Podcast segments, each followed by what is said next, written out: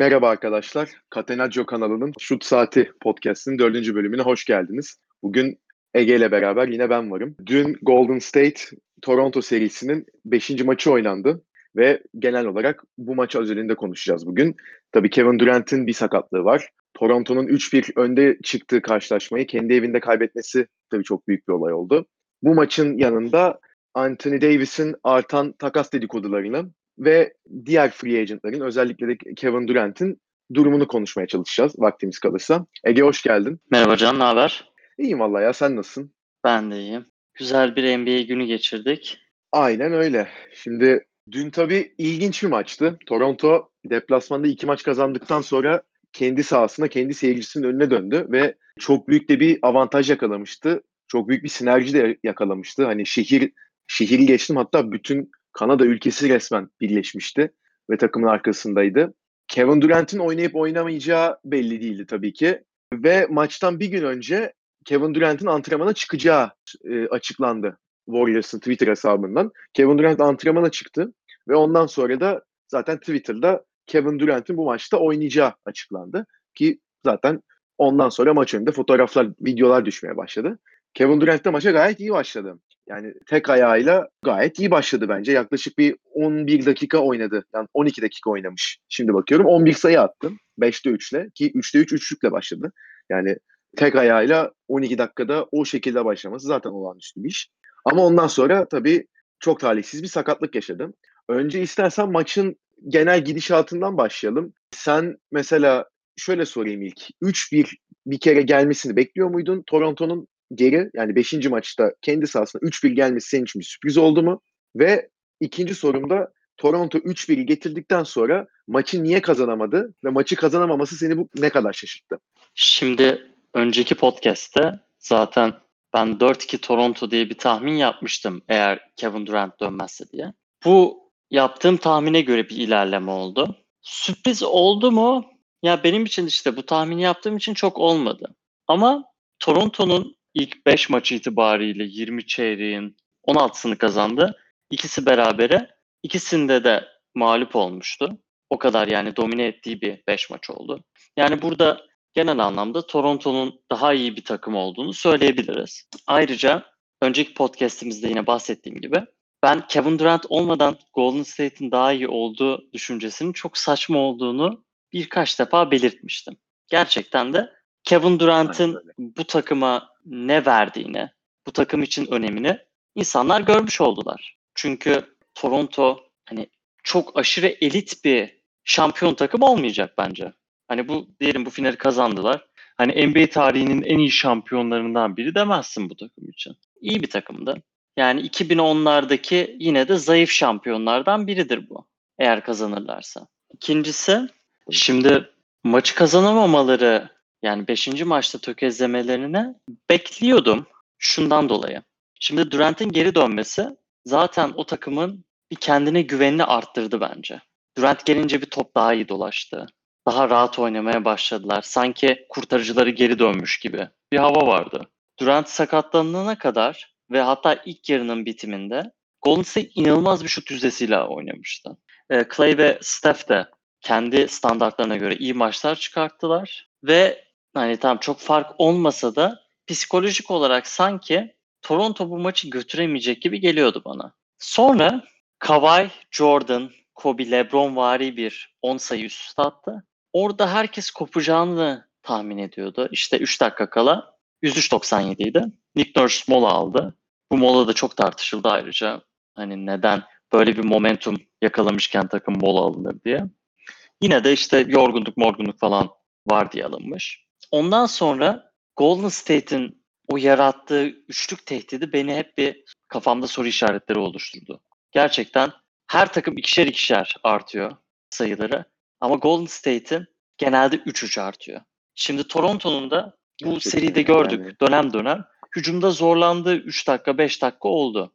Öyle bir tıkanma olursa Golden State'in affetmeyeceğini düşünüyordum. Ve zaten işte ilk Steph sonra Clay iki üçlük gönderdi ve döndüremediler ki Toronto'nun çok da döndürme şansı oldu aslında. Bayağı bir şanslı oldukları pozisyonlar oldu. Mesela Cousins'a son dakikada bir tane hareketli perde çaldılar. Draymond backcourt Evet. violation yaptı. Yani Golden State'de öküzlük yapmasına rağmen birkaç pozisyon değerlen yapamadılar. Kawhi de o kadar iyi oynamasına rağmen son topta ikili sıkıştırmaya maruz kalınca mecburen Lowry attı. Lowry de biraz Draymond'un da teması varmış. İsabet bulamadı ve 6. maça gidecek. Draymond'un orada Evet. bloğu var zaten. Onu hani e, tekrar izleyince görülüyor ve oradaki o e, son pozisyondaki o Golden State'in yaptığı savunma bence bayağı etkileyici. Hani Kawhi tam kendi sahana doğru giderken Iguodala bir anda çok iyi kapatıyor Klay Thompson'la beraber. Hiçbir hareket alanı Hı bırakmıyorlar. hı. Ondan sonra şey de hani e, yanlış hatırlamıyorsam Fanfleet'e dönüyor. Fanfleet Lowry'e çıkarıyor.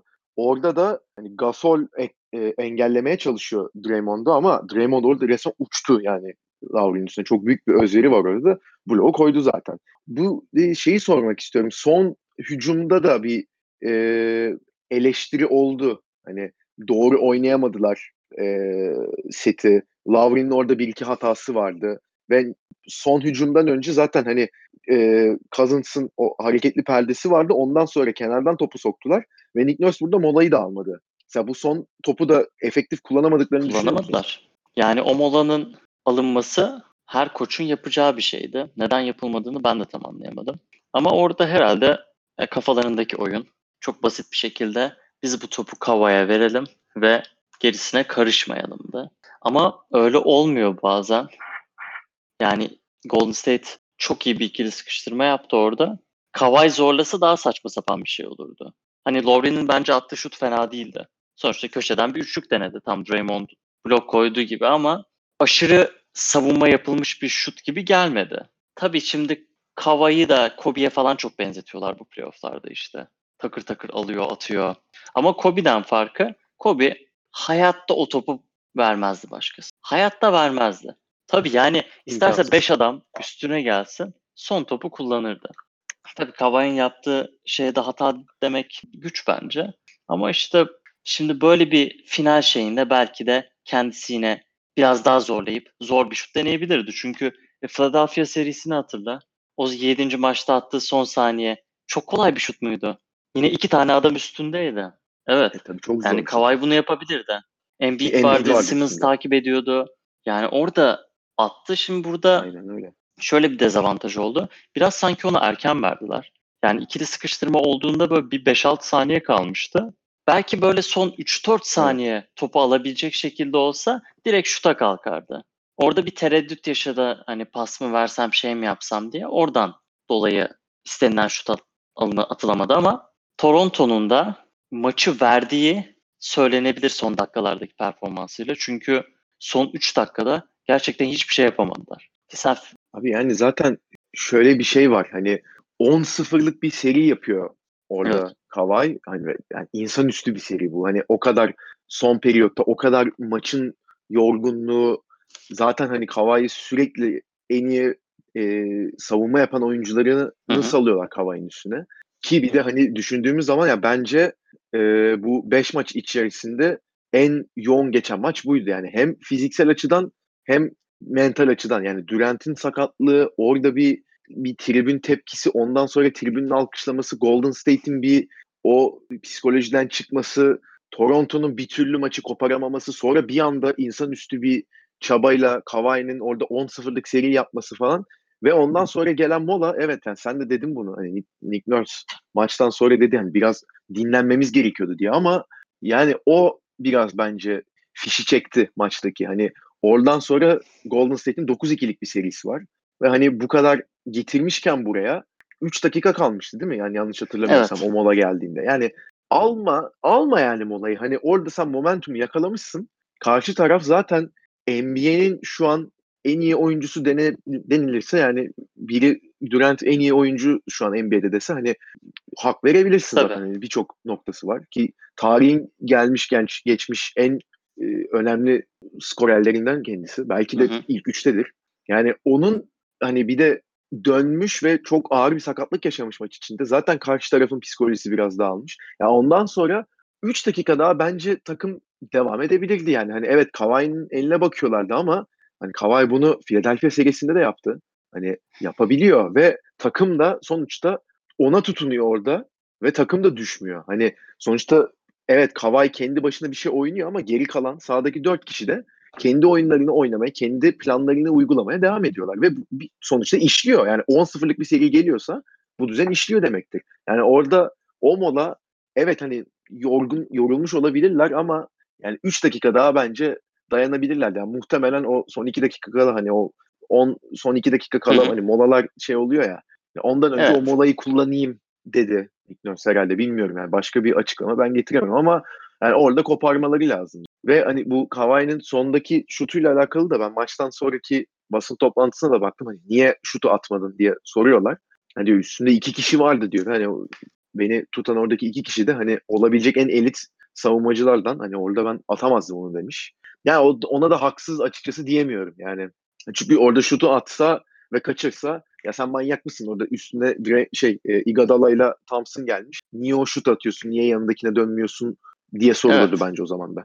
Zaten Kendrick Perkins ESPN'de maç sonrası şöyle bir ifade kullandı. Final maçının son çeyreğinde yorulmak diye bir şey olmaz diye. Artık orada yorulmuşsun, şey yapmışsın falan. Çok doğru. O bir mazeret değil herhalde.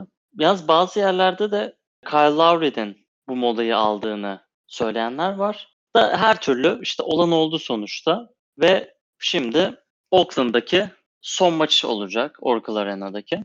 O da Golden State için ayrı bir önem taşıyor düşünürsek. Yani bu NBA tarihinin en iyi 5 senelik serilerinden birini yaşamış takımın oraya vedası gibi olacak. Golden State o, o orada mutlaka çok motive olacaktır ve Toronto'nun burada bitirememesi belki çok büyük sıkıntı yaratacak. Ama yani şöyle bir seriyi genel olarak değerlendirirsek Can. Sen ilk önce yani en merak edilen performans Curry'nin performansıydı bence. Çünkü herkes hani finallerde çok da iyi bir geçmişi olmayan Curry'nin Durant olmadan özellikle nasıl bir performans vereceğini merak ediyordu. Senin beklentilerini karşıladı mı? Yani açıkçası ben bu sene daha bir tatminim Curry'nin performansından. Şimdi 3. maçta zaten 45 dakika oynadı. 47 Hı hı. sayı atmıştı yanlış hatırlamıyorsam. Ki hani o maçta yani Clay de oynamamıştı. Hani hakikaten tek başınaydı. Şimdi evet tek başına ama hani tek başına oynaması demek kalkıp 47 sayı atabilecek demek değil. Yani hani sonuçta düşündüğümüz zaman Toronto'nun da hani savunma planını sadece o zaman Curry'e göre yaptığı durumuna geliyor. Çünkü hani e, Clay yok. DeMarcus zaten hani ne kadar oynuyor, ne yapıyor belli değil saha içinde. Hani 5 dakika çok iyi oynuyor. Sonra 15 dakika yani sabote ediyor takımı. E Durant yok. Yani zaten takımın en önemli 3 skorerinin ikisi yok. Hani biri zaten ligin en iyi skoreri. Diğeri de yani her an sahanın her yerinden kaldırıp üçlük atabilecek. Yani üstüne 3 kişi de olsa atabilecek biri. Yani bu ikisi yok. Sadece Curry vardı. Hani orada insanüstü bir performans gösterdi. Bu maçta da ben yani şimdi 31 sayıyla oynadı. Maçın başını ve sonunu çok iyi oynadı bence. Hani o ortadaki yani 3. periyotta falan biraz bence yalpaladı ama hani sonunu Clay ile beraber o hani yine o harmonilerini ikisini gördük ve iyi getirdi ki yani Golden State buradan sonra kazanırsa bence zaten herhalde bu sene Curry alır şeyi Bence final de. MVP'sini. Ya bu sene yine hani mesela dördüncü maçtaki oyununu da yine 28 sayı attı dördüncü maçta ama yani oradaki mesela ara ara hani kayboldu sahada. Onu da açıkçası orada da Curry'i suçlayamıyorum. Çünkü hani iki gün öncesinde sadece arada bir gün dinlenebildi sadece. İki gün öncesinde 45 dakika oynamış. Bütün skor yükünü çekmiş takımın. Her şeyi yapmaya çalışmış. Ve arada sadece bir gün dinlenebilmiş. Yani ondan sonra ritmini tam bulamaması bence hani insan sonuçta o da. Normal. Ama yani o yani LeBron olsaydı o aynı durumda daha farklı bir şey yapabilirdi ama o da hani fiziksel yeterlilikle alakalı bir durum. Hani Curry'nin oyunu sonuçta kendi fiziği üstünden oynadığı bir durum yok yani ortada ve hani sonuçta fiziksel olarak bir üstünlüğü de yok. Ama ben yine de Curry'nin e, bu serideki performansından açıkçası memnunum. Sen ne Ben de düşünüyorsun? Curry'i dördüncü maç dışında beğendim. İyi, iyi oynadı. Özellikle üçüncü maçı inanılmazdı. Üçüncü maçı zaten görmüşsündür istatistiklerde. Finallerde en çok sayı atılan performanslardan biri.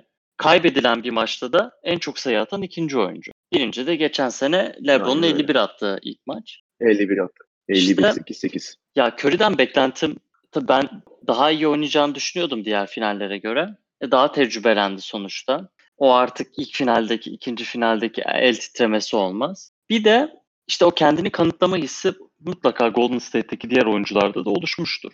Denediler zaten, çabaladılar. Ki Clay de bence çok iyi bir seri geçirdi genel olarak. Draymond fena değil. Hani önceki seri kadar iyi değil, Houston serisi kadar. Ama o da triple double performanslarını gösterdi. Burada en büyük sorun Golden State'in kalan takımından gelen minimum katkı. Şimdi şöyle bir bakınca benim aklımda şöyle bir soru işareti vardı.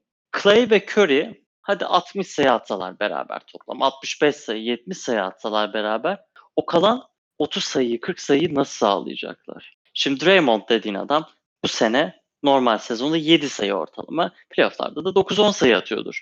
Cousins istikrarsız. Tabii. Iguodala çok iyi bir şey geçirmiyor. Artık yani onun da hücum olarak zaafları belli. Hatta bu 5. maçta görmüşsündür. Warriors maçın sonlarında hücum için Quinn Cook'u alıyordu onun yerine. Savunma için Iguodala'yı istiyorlardı. Evet. Yani Aynen öyle.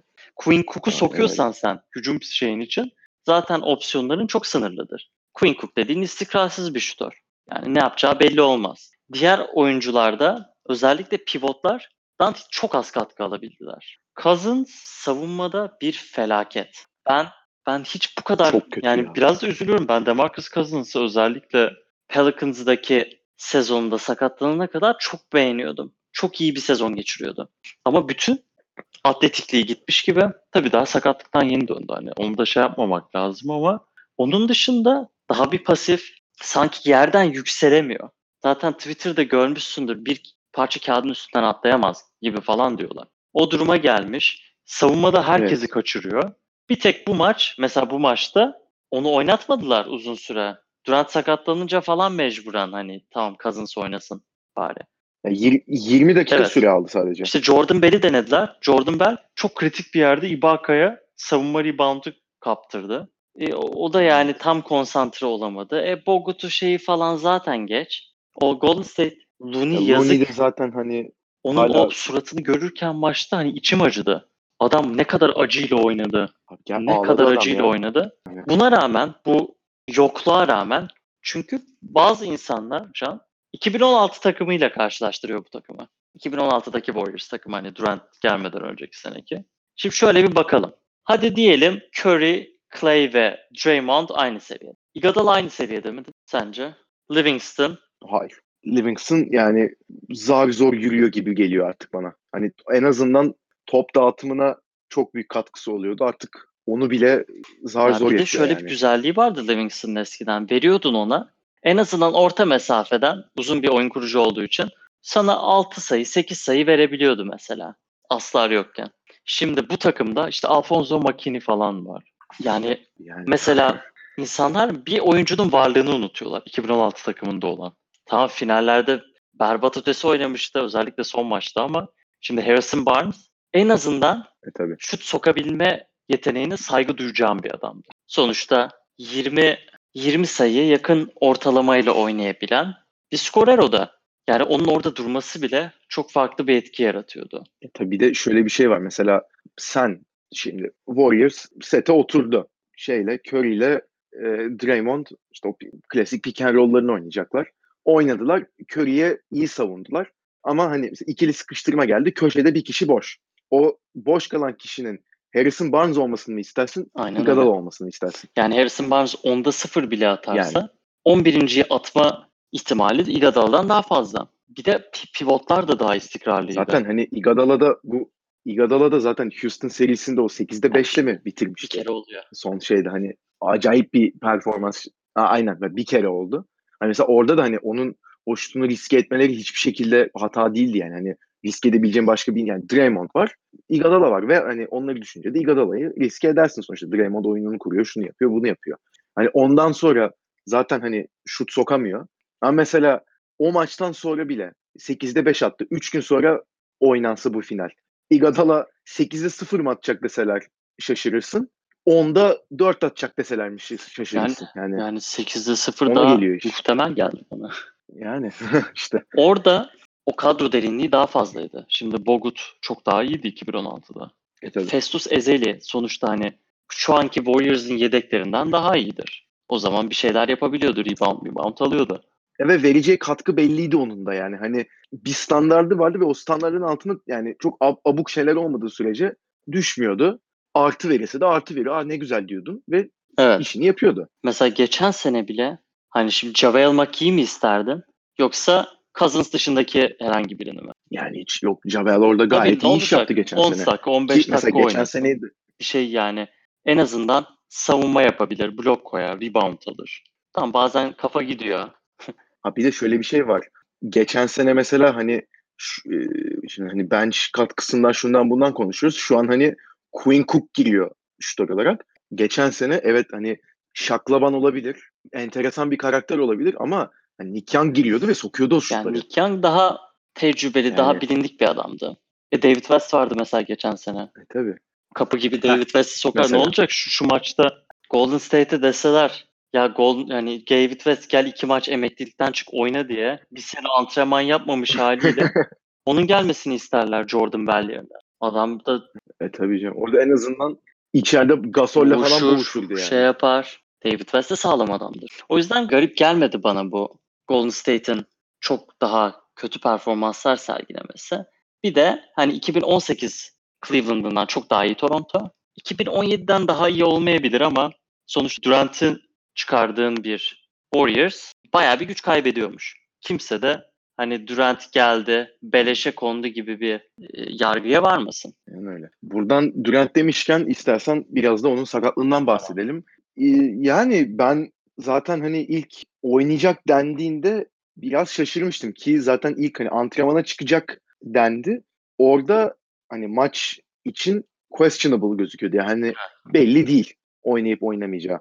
Ondan sonra işte basına da yansıyanlar hani takımla bir takımdakilerle o yöneten kademeyle bir toplantı oldu. İşte e, sağlıkçılar belli bir şeyler önerdi. Şudur budur ki Kevin Durant de oynamak istediğini söyledi oyn ve oynadı. Maça da çok iyi başladı. Ama hani maç öncesi bile mesela o arenaya geldiği zaman zaten yürürken biraz fark ediliyordu. Hala bir böyle sekiyor gibiydi. Ki onun sakatlığı da şimdi sosyal medyada çok şey yapılıyor. Hani e, Clay döndü sakatlıktan. Looney acı çekerek oynuyor. E Durant de oynasın diye. Ama işte şimdi sakatlıklar farklı. Hani Durant'in sakatlığını orada Golden State'in yönetim kademesinin bence hatalı olduğu bir kısım var. Durant'in sakatlığının ciddiyetini anlatamadılar. Şimdi hep şey diye o Houston maçında sakatlandıktan sonra işte daha sağ kalf diye geçiştirildi. Halbuki o yani Aşil'in kalfa bağlandığı yerde bir yırtık var. Ve hani şimdi sonuçta Aşil tendonu ayakta durabilmek için hani yürümeyi koşmaya geçtim ayakta durabilmek için yani en önemli şeyin ayağın kadar önemli. Yani o, o bağlıyor her tarafı. Ve o gittiği zaman gidiyor. Yani ayakta duramıyorsun hiçbir şekilde. Ve şey de hani biraz ben de bugün gün içi okudum hani normal sakat olmayan sağlıklı tamamen sağlıklı bir insanın aşil tendonunu sakatlamasıyla yani kopması yırtılması neyse o durumla aşil sakatlığı olan bir insanın zaten o sakatlıktan muzdarip olan bir insanın bir daha zorlayıp aşilini koparması veya yırtması çok farklı durumlar. Ve Durant de hani tabii ki bunu bilerek çıktı ama maça da iyi başlayınca herhalde ha ben iyiyim ve idare edebiliyorum ben zorlayayım diye düşündü. Ki penetre etme çabasında zaten o arkadan çekilmiş bir şey de var. Yani direkt görüyorsun yani. O direkt kopuyor ve gidiyor yani. Çok kötü bir görüntü zaten. Buradan hani şimdi önce hani kariyeri sence nasıl etkilenir? Hani oynama açısından. Şimdi 31 yaşında Kevin Durant'te.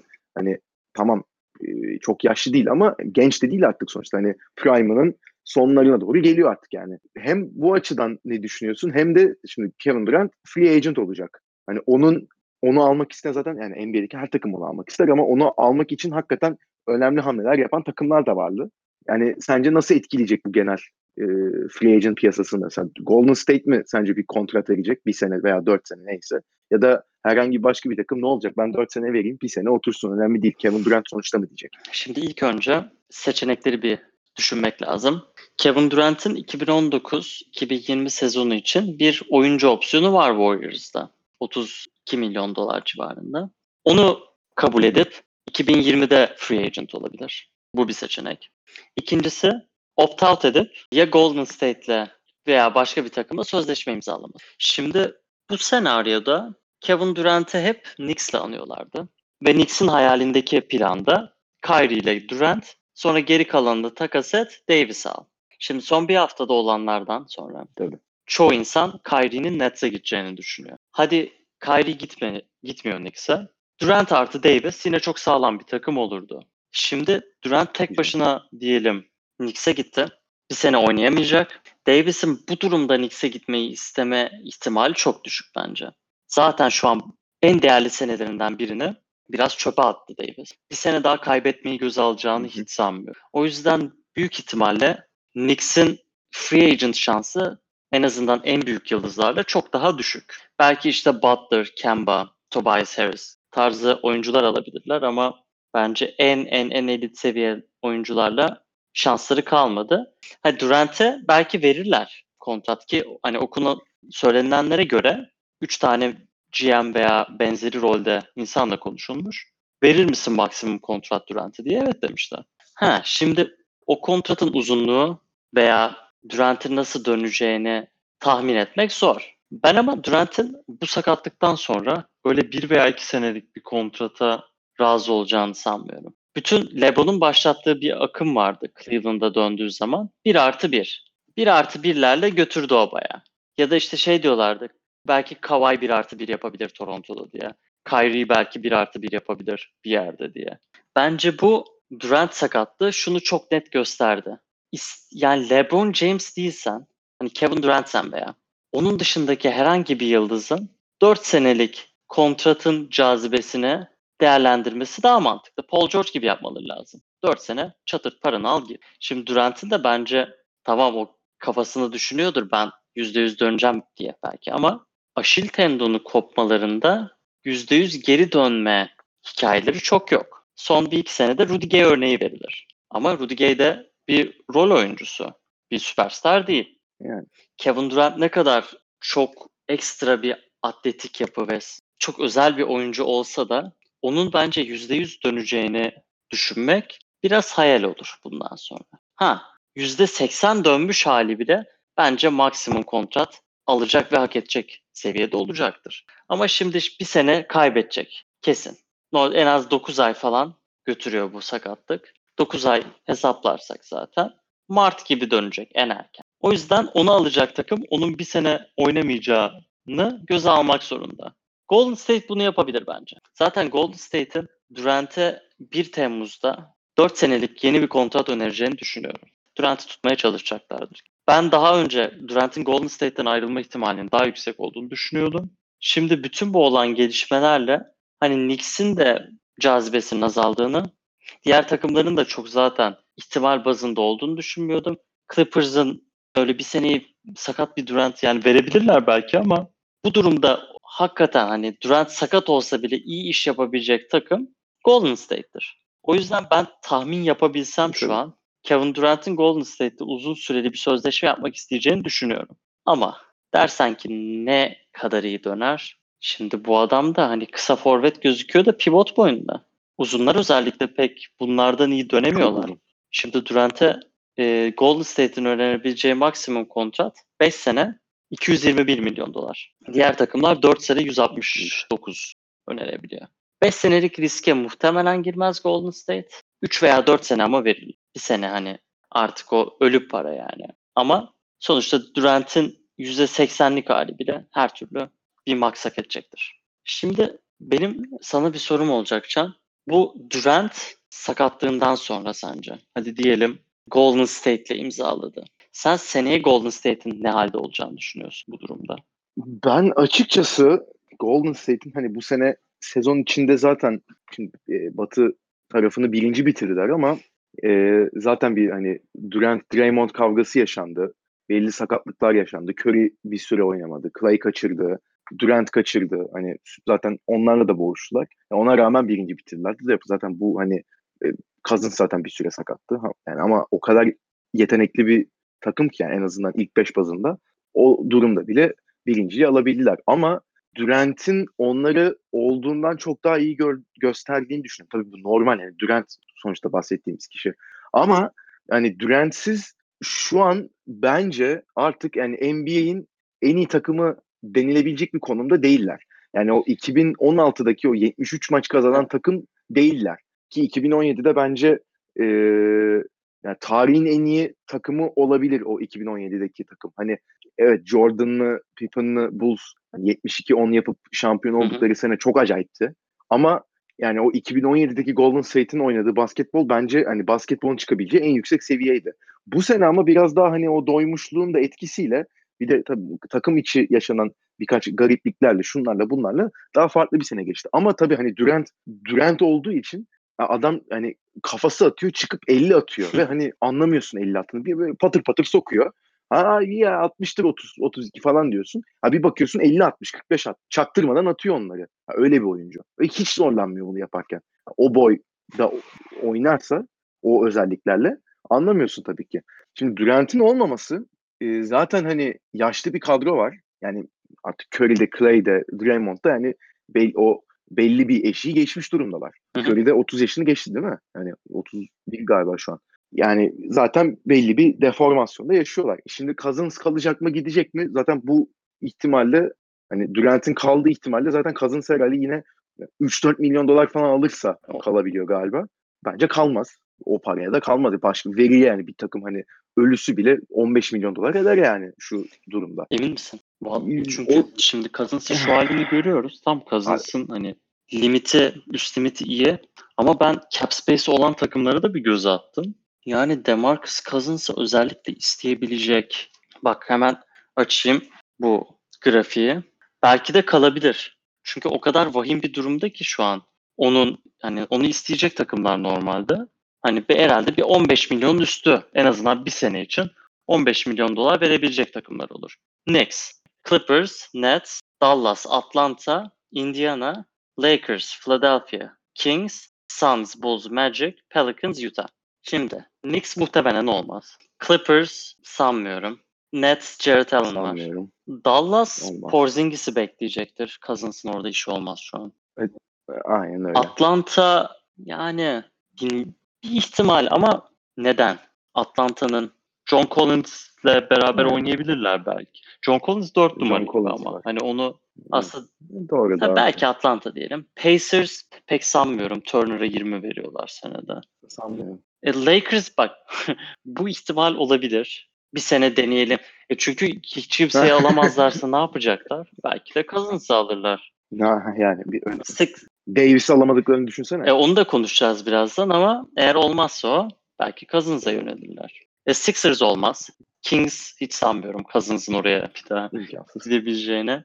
Suns, DeAndre Ayton var. Yok. Bulls, Wendell Carter'lar, Markkanen'ler. En iyi pozisyonu o zaten.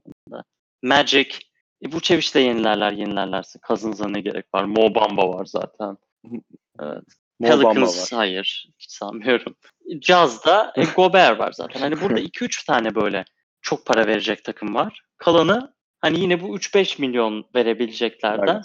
Hani belki şimdi kafamda şöyle bir fikir de oluştu. Cousins için belki en iyi olay kötü bir takıma gidip iyi istatistik yapıp yeniden iyi bir kontrat alabilecek konuma gelmek. Çünkü onun da aklındaki bu Golden State tecrübesi hiç olumlu olmamıştır. Yani şampiyonluk kazanmaya geldiğinde Ben- şampiyon olamıyorlar. Kötü oynadı. Sezon içinde fena değildi ba- bazı dönemler ama finallerde vasat. Değeri zaten daha bile düşük önceki seneye göre. Gitse o Pelicans'ın 2 sene 40 milyonluk teklifini kabul etse daha iyiymiş aslında. Yani, yani Ama evet e, dediğin gibi bir de Draymond sorunu olacak seneye. Durant yenilerse sözleşmesini mecburen Draymond gidecek. Çünkü hepsini aynı anda tabi burada Clay'in de Golden State'de yenilediğini farz ediyorum. O zaman Draymond mecburen takas edilecektir. Çünkü Draymond'da da bir de maksimum mu verir? Yani dört tane max oyuncun olamaz. Muhtemelen o takımı sonsuza kadar değiştirecek yani. belki de. Yani çok enteresan şeyler olabilir. Kevin Durant Golden State'de uzun vadeli kalırsa diğer takımlara giderse de onun nasıl döneceğine bakmak lazım. Son olarak da Kevin Durant'la ilgili. Şimdi 30 yaşında, 31'ine girecek Eylül ayında. Kariyerinde şu ana kadar 23 bin sayı atmış. Ben en azından bir 5 sezon daha yaklaşık 25 ila 30 sayı aralığında gidebileceğini düşünüyordum. Bu da yani bir 10-12 bin sayı daha ekleyebilir gibiydi. Sakatlık olmazsa. İşte bak oluyormuş ama 10-12 bin demek tarihin en skorer 5 oyuncusundan 6 oyuncusundan biri olur. Sonra belki daha da uzun oynarsa Abdülcabbar'a değil de Karl Malone'a yaklaşabileceğini düşünüyordum. Bu sakatlık muhtemelen onun bu peak yani hadi Karl Malone desek sayı olarak 35-36 bin desek bence onu da herhalde 5-6 bin aşağı çekti. Bundan sonra Durant'in yani 5 sene daha 25 sayı ortalamalı bir adam olacağını pek sana, sanmıyorum. Ne yazık ki peak'inde hani bu playoff'ların başında herkes kimi konuşuyordu? Kawhi Leonard'ı değil. Kevin Durant'ın inanılmaz performanslarından bahsediyorduk. Böyle peak'inde böyle bir sakatlık yaşaması onun çok üzücü oldu. Kesinlikle yani hani çok özel bir oyuncu ve tabii hani bu hangi takıma gidecek, Golden State'te mi kalacak falan onları da bu senin anlattıklarını düşününce hani NBA'in de dengesini değiştirebilecek bir duruma geliyor yani. yani o Draymond konusu olsun, Cousins kalacak mı, ne olacak, Durant'e kim para verecek? Bu yani Golden State konusunda da yani seneye e, Durant'e para verdiklerini ve aynı takımı tuttuklarını düşünelim. Yani bench'ten yine bir katkıları olmayacak ve bu sefer bence öyle e, yani Batı birincisi değil de daha böyle 2-3 belki yani 4'e düşmezler ama yani 3 falan bitirirler gibi düşünüyorum. Hani Houston'da e, geçen hafta bütün oyuncularını yani Harden hariç takasa açık hale getirdi. Onlar da farklı hamleler yapacaklardır. Ve hani onların bir atılım yapıp yani Denver'ın belli bir e, tecrübe kazandığını düşünüyorum bu sene playofflarda. Yani hala ne olursa olsun Oklahoma var. E, Lakers var. Yani evet bu sene bir facia yaşadılar ama hani LeBron'un sakatlan sakatlandığından önce hani dördüncüydü Lakers. Bunu da unutmaması lazım milletin. Yani onların da birkaç hamle yapacağını düşünürsek e, Golden State'in işi bence bu, bu saatten sonra o kadar rahat olmayacak. Yani yine NBA finali bile görseler ki rahat bir şekilde göremeyecekler asla bu seneki olduğu gibi. E, ben işlerinin çok zor olduğunu düşünüyorum. Şimdi buradan Durant'i de konuşmuşken, e, Free Agency ile konuşuyorken istersen bir Anthony Davis'e de değinelim artık programın sonlarına yaklaşıyorken. Anthony Davis'in zaten hani takas olmak istediğini belirtmesinin üstünden yaklaşık bir 6 ay geçti. Lakers'a gitti gidiyor derken orada bir kaos yaşandı. İki kulübün yöneticileri arasında saçma sapan şeyler yaşandı ve New Orleans çıktı dedi ki hayır dedi ben vermiyorum size. Ne yaparsanız yapın. Yani bütün takımı verin ona rağmen vermiyorum ben. Kimi verirseniz verine getirdiler lafı ve orada kapandı. Ondan sonra zaten trade deadline'ı geçti. Davis ara ara da oynadı. Zaten saçma sapan bir durumdu o da yani. Hani oynatmak zorundalardı. NBA kuralları gereği. Yani çok komik bir şey yani o da. Ben gitmek istiyorum diyen adamı sahaya sokuyorsun. 20 dakika oynuyor yani. yani şimdi e tabi artık hani sezon da bitti. Tabii ki hani hangi takıma gidecek ne olacak diye konuşuluyor ki New Orleans'ın ve Lakers'ın da GM'leri değişti. İki farklı isim var artık. Hani artık herhalde o trade konuşmaları da aralarındaki daha farklı bir seviyede ilerliyordu. Daha farklı bir durumdadır. Ve bu haftada çıkan haberlere göre şimdi tabii New Orleans'da birinci sırayı aldı e, draft'te. Büyük bir sürpriz olarak. Bilden zaten Zion'u seçecekler yani herhalde %99 ihtimalle. Başka birini seçmeleri herhalde büyük evet. sansasyonel bir şey olur yani. Ve şöyle bir durum da var. Bu hafta çıkan haberlere göre draft'ten önce Pelicans bu trade'in yapılmasını istiyor. Yani Zion'u seçeceğiz biz diyorlar. Davis'i yollayalım. Belli asetleri alalım. Hatta şey bile konuşuldu yani okuduğum kadarıyla. Hani bir tane All-Star bir tane All-Star potansiyeli olan genç biri ve iki tane pik, iyi pik şeklinde bir istekleri olduğu konuşuluyor çok. Ve son çıkan haberlere göre de önce çıkan haberlerde hani Knicks ve Lakers en önemli pozisyondalar Anthony Davis'i almak için diye haberler çıkmıştı. Son bir günde de çıkan haberlere göre Lakers artık iyice favori haline gelmiş durumda ve Pelicans'ın da hafta sonuna kadar biz bu işi bitirelim artık demesinin etkisi artık yani bu herhalde 4-5 gün içinde trade hallolacak gibi gözüküyor. Şimdi Boston çok konuşulmuştu Davis için. O ihtimal herhalde ortadan kalktı. Şu anlık hiç konuşulmuyor ki Kyrie'nin durumu da ne olacağı belli değil. Sen öncelikle nereye gideceğini düşünüyorsun Davis'in ve hani nerede nasıl bir etki yaratabilir? Şimdi dediğin gibi işte iki takım hani Knicks ve Lakers demiş ama Durant'ın sakatlığı muhtemelen Knicks'in bu işi halletmesinin önüne geçecektir. Ben şöyle bakıyorum. Muhtemelen. Önceden de galiba 4 seçenek sunmuştu. Clippers ve Bucks da vardı bunun içinde. Şimdi verilebilecek veya işte Nets, Celtics o tarz bir şeydi. Ama Nets'in Nets'i pek sanmıyorum da Celtics de var diyelim. Şimdi sana bir soru. Şu dört oyuncuyu sırala kendi gözünde ne kadar değerliler sen? Kevin Knox, Ingram, Tatum, e, Shea Gilgis Alexander. Abi 1-2 e, Ingram'la Tatum yani hani Tatum'u bire koyardım ama hani bu sene biraz yalpaladı yani. Ama Ingram'ın da sakatlığı var. Bence yine de aralarındaki hala en değerlisi Tatum. İkiye Ingram'ı koyarım. ah, yani 3'e Knox'ı 4'ü de işte o Alexander'ı Şimdi koyalım. ben ben Knox'ı sona koyup Alexander ve Ingram'ın daha yakın değerde olduğunu düşünüyorum. Tatum biraz daha iyi. Ne kadar hani çok iyi bir sezon geçirmemiş olsa da. Şimdi bir kere o All-Star işte All-Star potansiyeli olan draft şeyleri falan öyle bir şey olma ihtimali yok. Yani bir düşünüyorum çünkü zaten ligde All-Star sayısı belli.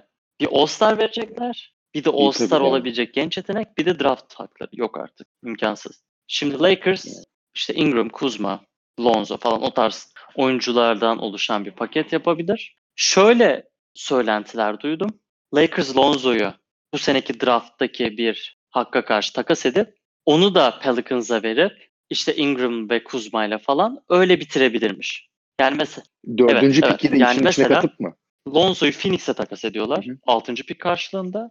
4, 6, Ingram, Kuzma. Bir de belki işte bir iki hani salary'ler uyusun diye falan veya öyle bir istekleri olur. Ha işte. Mike Muscala falan. Yani öyle bir şey olabilir bence. Ama tabii Davis eğer bu ikisini istiyordu kesin olarak ve Knicks'in de durumu belliyse Lakers'ın alma ihtimali yüksek. Lakers tabii ne kadar verecek Pelicans'a bu iş için ve hani asla olmaz denilen bu takas gerçekleşecek mi? Onu göreceğiz. Ben sadece hani aslında daha güçlü seçenekler sunabilecek takımlar olduğunu düşünüyorum Pelicans'a. Ve şu durum aklıma geldi benim. Şimdi Paul George çok büyük bir riskti Oklahoma City için. Bir sene sözleşmesi kalmışken onu aldılar. İnşallah onu ikna ederiz diye. Bir sene oynandı ve sonra herkes Lakers'a gitmesini beklerken Oklahoma City ile sözleşme yeniledi. Kawhi bir senesi kalmışken Toronto aldı onu. Finale çıktılar ve hani sene başında yani takas olmadan önce yüzde sıfırdı zaten. Takas olduktan sonra da hani bütün sezon Clippers'a gider kesin diye konuşuluyordu. E şimdi neredeyse NBA şampiyonu olacaklar. Bu kalma ihtimali var. Hatta güçlü bir ihtimal. Belki bir takım Bence de. o riski alıp bir senelik bir Anthony Davis macerası için güzel bir paket sunabilir Pelican. Bunun Celtics olacağını düşünmüyorum. Celtics'te Kyrie'nin durumu belli değil sonuç olarak. Kyrie giderse hani Rozier'la yenilerler herhalde veya başka bir oyun kurucu bulurlar. İşte Horford'u Morford'u tutmaya çalışırlar ama hani o takımda yine fena sayılmaz. Eğer işte Tatum'u, Smart'ı, Rozier'ı yani o dörtlüden üçünü verirlerse Davis için o zaman o Davis'i bir sene almanın bir anlamı olmaz. Bunu yapabilecek bir takım zaten Tabii. iyi bir iyi bir altyapısı olan ve bir tane All-Star'ımsı veya hani iyi bir genç yeteneğini Davis'le takaslayıp şampiyonluğa oynayabilecek bir takım olur. Ha bu, sor. Burada sana bir şey sorabilir miyim? Bu trade deadline zamanı hani bu bir senelik riskten bahsederken şimdi o zaman okumuştum aklıma geldi. Bu Lakers dedikoduları bittikten sonra Toronto ve Milwaukee'nin bile zorlayabileceği konuşulmuştu. Ya mesela Toronto a- aldı finali, kaybetti fark etmez. Bir, yani Kawhi'yi tuttular diyelim. Bu aynen bu kadroyla bir sene sonraya girdiler. Sence girerler mi öyle bir riske? Ya mesela atıyorum kim olsun? İşte Ibaka'yı versinler, Lowry'yi versinler. Bir de yanına ne bileyim işte Anunoby veya işte birini daha. Kere hani, Toronto Norman takası yaparsa kesinlikle Siakam'ı isterler. Kesin o- Siakam'ı o kesin. isterler. Böyle bir riske girerler mi? Bilmiyorum. Şampiyon olup sonra takımlarında böyle büyük bir değişiklik yaparlar mı?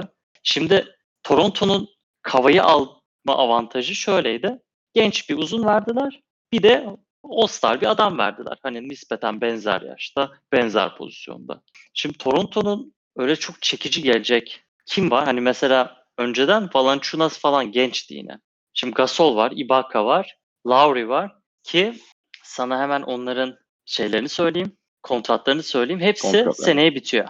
Bu üçünün de. Ha, Evet. Bir senelik. O riske girmeyebilirler. New Hayır zaten. New Orleans'ın onları da pek Kalmaz isteyeceğini yani. sanmıyorum hani bu üçlüyü. Çünkü Kyle Lowry seneye 33 milyon dolar. Marc Gasol'un oyuncu opsiyonu var 25.6 milyona ki yani kesin kullanır. E, Ibaka'nın 23 milyonluk bir kontratı var. Bunların olacağını sanmıyorum. Hani Toronto'nun yapabileceğini düşünmüyorum ama başka böyle risk almaya açık bir takım belki Davis almak için böyle bir şey yapabilir. Hangi takım olur? Yani aklıma mesela yani ben işte Clippers o yüzden düşündüm. Hani mesela Ingram, Kuzma 4 ve 6. pikimi tercih edersin. Shea Gilgis Alexander, Gallinari, Montrezl Harrell ve bir tane first round. Yani vallahi düşünürüm. Hani şeyi bak bakarsam Yani bu sene Clippers'da gösterdikleri performans o saydığın oyuncuların hani Golden Evet. State'i çok zorladılar. Ama hani orada tabii biraz yani koç planı yani Doug Rivers'ın yaptığı da bence olağanüstü bir işti yani. Onu da katmak lazım. Orada hani New Orleans bence yine de Lakers'ın takasına gidebilir. Çünkü hani sonuçta iki tane genç alıyorsun ve hani potansiyelli gençler. Yani e, Kuzma ve Ingram'ın 3 sene sonra All-Star ya olabilirler. Yani şaşırmam ben açıkçası. Yani New Orleans'ın Onlar da şaşırmaz herhalde. hedefinin şey hani olduğunu söylüyorlar. Hani Davis takas edip iyi oyuncular alıp direkt hani playoff yarışı da girebilecek konuma girmek istiyorlarmış ilk günden. Ha, bu batıda Bir çok düşün. zor ya. Drew Holiday, Yani. Zion, kim var başka onlarda şu an? Randall Yok Randall kalmayacaktır. Randall'ın e, oyuncu opsiyonu var galiba 9-10 milyona. Onu reddeder. almaz o. Ve diyelim işte Davis takasından kim gelsin? Davis takasında mesela işte Ingram geldi. 4 ve 6. pikler geldi. Kuzma, Kuzma geldi. geldi. Bu da ne demek olur? Cam Reddish mesela. Bir de 4'ten seçilecek işte Darius Garland Heh. falan neyse işte. Mesela öyle bir takım playoff zorlar mı? Heh, bilemiyorum. Ama Eh, bana en tuhaf Evet. geleni Can. Aslında en iyi basketbol ortamı Davis için bence şu anki Pelicans olabilir. Bir düşün. Zion, Drew ve o uyduruk kontratların da bir kısmı gidecek. Yani mesela orada kimin Solomon Hill'in benim bildiğim kötü bir kontratı var. Çok ber çok yani o ya. hiçbir şey yapamayan bir adam sonuçta. New Orleans'ta gelecek sene için 26 milyon Drew Holiday kazanacak. Solomon Hill'in son senesiymiş. Expiring. Tamam yani onu takas edebilirsin en kötü. Etwan Moore 8.6 milyon alacak. Etwan Moore gayet hesaplı o şeye göre. 8.6'ya temiz bir kontrat. Yalnız hiçbir şey kalmamış hakikaten. Onun dışında herkesin kontratı bitiyor.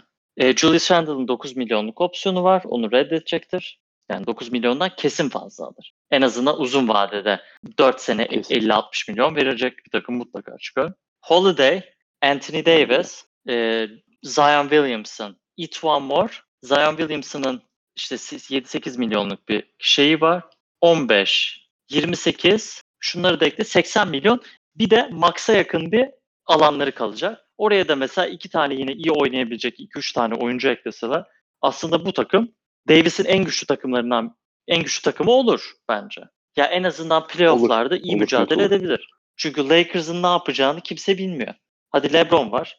LeBron'un sakatlık problemi yaşayabileceğini gördük. LeBron var, iki kim E var? çünkü, e, onun için herkes takas etmeleri gerekecek. Yani ben Davis'in alınmasını biraz NBA yakın tarihinde başka bir takasa benzetiyorum. Carmelo Anthony'nin Denver'dan Knicks'e gittiği zaman Knicks'e. Knicks bütün takımı verdi. O zaman genç olan Gallinari'ler, Wilson Chandler'lar, işte Raymond Felton'lar o zaman iyi oynayan adamları. Da, evet, ve çok kısa bir rebuild'den sonra hemen yükseldiler. Knicks'te kim kaldı? Amare. Carmelo, Chauncey Billups'ın ölüsü. Ondan sonra da işte başarı elde edemediler. Evet. Yani şimdi Lakers'a gelirse de boşalmış bir kadro olacak. Ve bir şey inancı da yok bence. Hani başka bir free agent gelecek bir ki Lakers'a. Olursa e, Davis gelecek. Çünkü Kyrie'nin hiç sanmıyorum. İmkansıza yakın. Durant zaten olmaz. Kawhi olmayacak. Butler yani bir ihtimal. Düşük bir ihtimal. Pek LeBron'la uyuşan tarzlar yok çünkü. Butler, Butler LeBron'un üstüne saldırdı. Ee, işte yani İlk Butler'la pek uyuşabileceklerini zaten Butler'ın şampiyonluğu oynayan takımda işi olmaz. Hani zaten Abi ben açıkçası hani en realistik gelebilecek şeyi söyle adını e, free agent'ı Lakers'a Kemba Walker olarak görüyorum. Yani daha üstü ki Kemba da bence kalır yani. Hani Supermax alacak yanlış bilmiyorsam. Anormal bir kontrat alacak yani. yani Supermax vermeseler Onun bile haricinde iyi bir ya 5 sene 180-190 verse falan bile 5 sene garanti olursa kalacaktır yani. Diğer takımların vereceği 4 sene 160 ben o falan yüzden çok fark var yani 50-60 milyonluk fark var. Kemba da biliyor çünkü kısa bir oyun kurucu. Yani hızlı yaşlanıyorlar onlar. 32'yi falan geçince bir anda bir düşüş oluyor. O da diyordur yani. tabii Aman ben zaten kazanamıyorum. En azından Charlotte'da efsane olarak şey yapayım. Ha Charlotte önermezse olabilir o zaman. Lakers veya Knicks gibi. O zaman işte anca işte o durumda görüyorum Ama ben evet de. yani e, Eh, Kevin Durant'ın durumu da Anthony Davis'in durumu da NBA'in mesela Kevin Durant'ın sakatlığı bence NBA tarihinde geri dönülüp bakıldığında e, ligi değiştiren en önemli anlardan biri olur. Birçok dengeyi çok değiştirmiş olabilir.